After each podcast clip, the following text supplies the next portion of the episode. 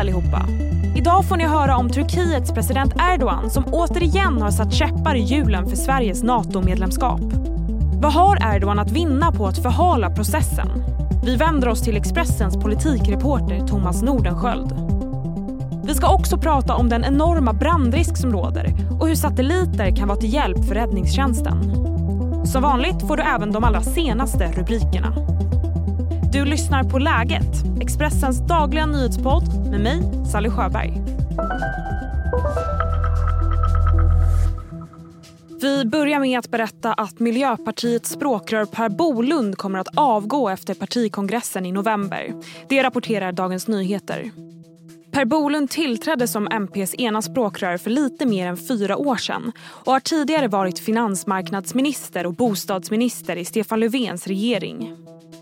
Bolund berättar för Expressen att det varit ett svårt beslut men att det är rätt tid att få in nytt blod i partiet. Den 34-åriga kvinna som misstänks för mordförsök efter attacken på en 10-årig flicka i Ängelholm har begärts häktad. Det var på måndagen som en 10-årig flicka knivhöggs vid en cykelväg i ett bostadsområde i Ängelholm. Hon skadades allvarligt och opererades samma kväll. Helsingborgs Dagblad har pratat med kvinnans sambo som uttrycker en chock över det som hänt. Vi går vidare till Sveriges klimatutsläpp som minskade förra året. Det framgår av Naturvårdsverkets sammanställning. Det handlar om en dryg 5% i minskning jämfört med 2021. Och enligt Naturvårdsverkets analys beror detta på den ökade reduktionsplikten.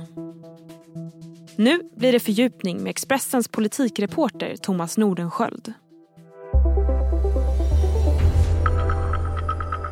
Biz bunların neyine güveneceğiz? Ha pazartesi günü Türkiye'ye geleceklermiş. Ya bizi ikna etmeye mi gelecekler? Kusura bakmasınlar. Yorulmasınlar. Det blir inget NATO-medlemskap för Sverige i juli. Det meddelade Turkiets president Erdogan igår efter att Sverige, Turkiet och Finland möttes i Ankara för att diskutera frågan. En av förklaringarna till att Erdogan fortsätter att sätta sig på tvären är att han anser att Sverige inte gjort tillräckligt för att förhindra terrorism. Med mig i studion har jag Expressens politikreporter Thomas Nordenskjöld. Thomas, hur ska vi tolka Erdogans nya utspel? Ja, men alltså, det här är ju ett rejält bakslag för Sverige såklart alltså, och den svenska regeringen. Alltså, man har ju satsat allt på att vi ska komma med till det här toppmötet i Vilnius nu här i början, mitten av juli. Eh, och, eh, så, så det, det, är ett stort bakslag skulle jag säga. Men vi ska ha klart för oss, det är inte kört, inte helt kört i alla fall. Eh, alltså, men om man nu ändå hoppas på ett NATO-inträde, de som gör det, de ska nog sätta hoppet till USA tror jag. Eh, alltså, Sverige kan nog inte göra så väldigt mycket mera, utan det pågår ju här någon form av förhandlingsspel mellan Turkiet och USA, där Turkiet vill bland annat att köpa in amerikanska stridsflygplan, F16-plan. Eh, och där har det kommit signaler från USA att man är beredd att gå Turkiet till mötes, men det finns inget beslut i den amerikanska kongressen. Så det kan ju vara så om man nu eh, vill se positivt på det här för svensk del, att eh, Turkiet och Erdogan utövar utpressning, vill få ut mer eh, och att det inte är helt kört. Men tiden börjar bli väldigt knapp. Hur mycket tror du att USA vill möta Turkiet i det här? Alltså man ska ha klart för sig att det svenska, den svenska och den finska NATO-ansökan det var ju liksom en propagandaseger, stor prestigeseger för USA när Putin och Ryssland invaderar Ukraina, inleder det här kriget som ju handlade eh, till ganska stor del om att förhindra en utvidgning av Nato eh, och kanske delvis EU, men framförallt Nato. Så ansöker då Sverige och Finland, de neutrala länderna, om medlemskap i Nato. Det har ju lyft fram väldigt mycket av Biden-administrationen. Eh, så att eh, eh, USA för USA är det här viktigt. Alltså, det, det har de verkligen visat. Alltså, det, det, lyfts ju fram hela tiden att lilla Sverige då ansöker om medlemskap eh, eh, trots att vi är ett ganska litet land. Så, så att jag skulle säga att eh, för USA är det här viktigt och det gör att eh, det ändå, ändå inte är helt kört att trycket från USA kommer vara stort och de vill verkligen ha med Sverige. Men Sverige har ju gjort mycket för att möta Erdogan i den här frågan. Vi har en ny antiterrorlag, vi har utvisat flera personer som haft kopplingar till terrorstämplade PKK.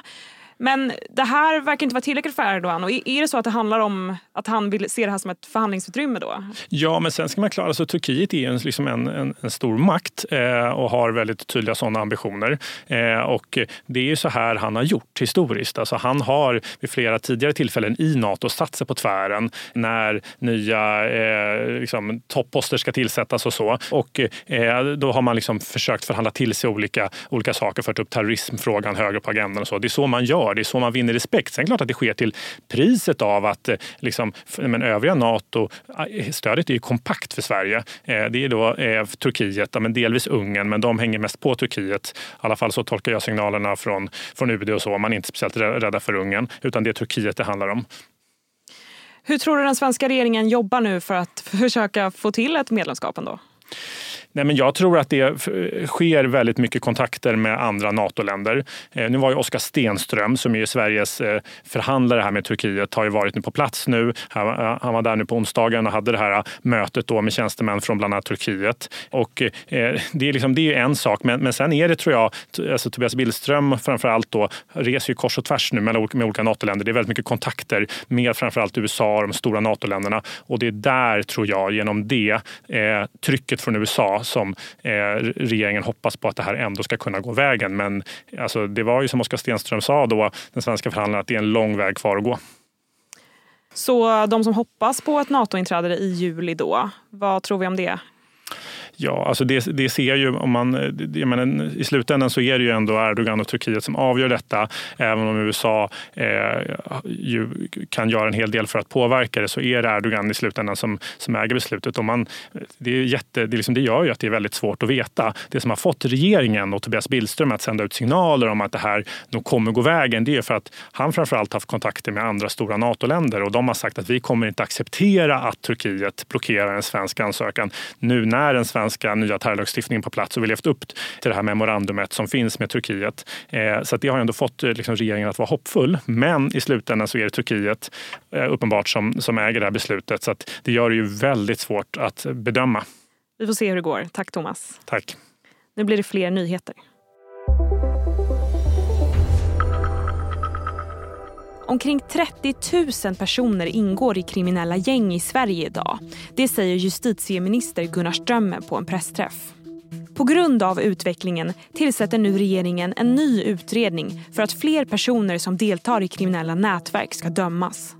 Allt det som är som man säger, osjälvständigt i förhållande till själva huvudbrottet. Där menar vi att vi nu måste gå fram eh, för att skapa en mycket, mycket modernare reglering som tar sikte på så säga, dagens förhållanden. Och det här är lagstiftning som inte har förändrats sedan 60-talet. Och det är verkligen hög tid att det nu sker. Kanske har du reagerat på att Marabou-choklad saknas på en del hotell och i en del mataffärer. Det är på grund av det blåsväder som ägaren Mondelez varit i sedan det blev känt att de fortsätter ha verksamhet i Ryssland. Nu går Mondelez Sveriges vd Martina Flemström ut och bemöter kritiken.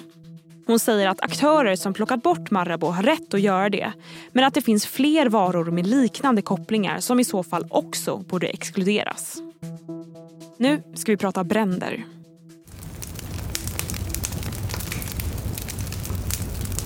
Det är varmt i Sverige och otroligt torrt. Och nu varnar SMHI för att det råder en mycket stor brandrisk i stort sett hela landet. Jag har nu ringt upp Björn Westerdahl som är kommunikationschef vid Storstockholms brandförsvar. Björn, hur orolig är du för det rådande läget? Eh, vi har ju haft eldningsbud ganska länge nu och det har ju varit eh, extremt torrt ute sedan 11 maj när eldningsbudet infördes och, och nu är det ju väldigt torrt ute i markerna. Men eh, absolut, om man tittar på hur väderprognoserna ser ut just nu som talar för att det fortsatt kommer att vara ganska varmt och torrt ute så, så eh, är vi ju högst medvetna om det allvarliga läget och eh, bereder oss för, för det. Och hur förbereder ni er exakt? Dels så har vi en väldigt god grundberedskap. Eh, vi har eh, egen skogsbrandutrustning med lastväxlar, flak och slang och fyrhjulingar och sådär så att vi snabbt kan komma ut på plats och eh, släcka. Och vi har också tillgång till regionala skogsbrandsdepåer där det finns utrustning. Vi har ett väldigt bra regionalt samarbete där sju räddningstjänster leds och koordineras av en gemensam räddningscentral. så att vi snabbt kan sammankalla och leda resurser inom regionen. Och eh, vi, vi, planerar kontinuerligt för olika typer av scenarier så att vi snabbt kan tillsätta resurser i ett, i ett tidigt skede. Det gäller att komma ut så snabbt som möjligt på plats och släcka så att man får bukt med branden innan den har hunnit växa sig stort. Du berättade även för mig att ni använder er av satelliter för att upptäcka att det brinner.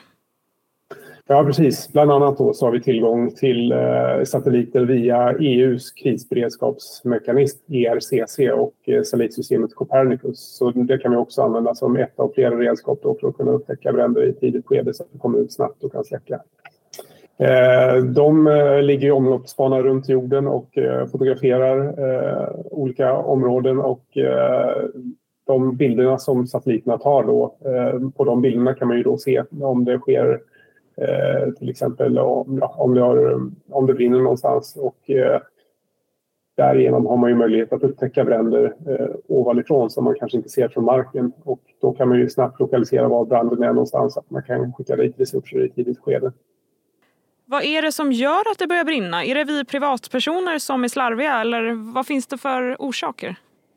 Det, det, finns, eh, det finns många orsaker och ibland så vet man inte alltid orsaken. Men eh, en vanlig orsak till att det blir skogsbrand det är ju eh, mänskliga faktorn på ett eller annat sätt. Och det kan vara allt från att man slänger ut cigarettfimpar från bilen och tänker att det där blir nog inget och så ligger det där och pyr och kan ligga där och pyra och glöda ganska länge och sen börjar det brinna och så kan det bli en, en brand som sprider sig snabbt och är svår att kontrollera till att man kanske har varit ute i skogen och slarvat med släckningen när man har grillat så att eh, det sprider sig vidare.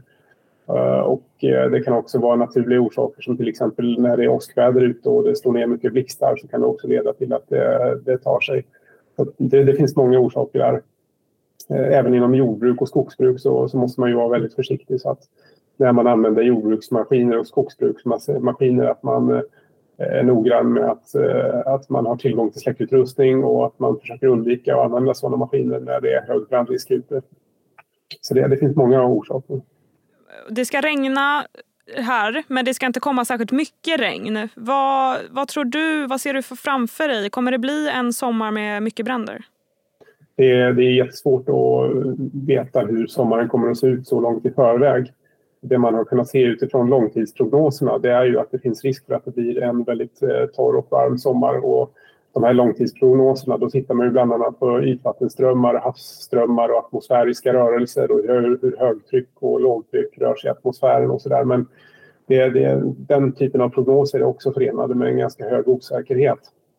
Det vi kan se här och nu det är ju att vi ser tendenser nu som påminner om, om det som vi såg brandsommaren 2018 bland annat att det redan tidigt under året, redan nu i juni, har varit torrt och varmt väldigt länge och det har lett till att marken har torkat upp på djupet och eh, det, det betyder ju att den här nattfukten inte tränger upp från marken längre utan att, att det blir väldigt torrt ute i, i skog och mark. Så att, eh, där finns det en risk att, eh, att vi kommer få se en sommar liknande den 2018 som det ser ut just nu.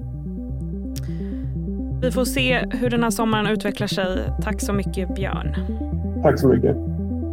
Där sätter vi punkt för idag. Glöm inte att följa läget i din podcastapp så att du inte missar några avsnitt. Ladda även ner Expressens nyhetsapp så att du håller dig uppdaterad resten av dygnet. Vi hörs imorgon igen. Då är det fredag och jag bjuder på streamingtips. Tack för att ni har lyssnat.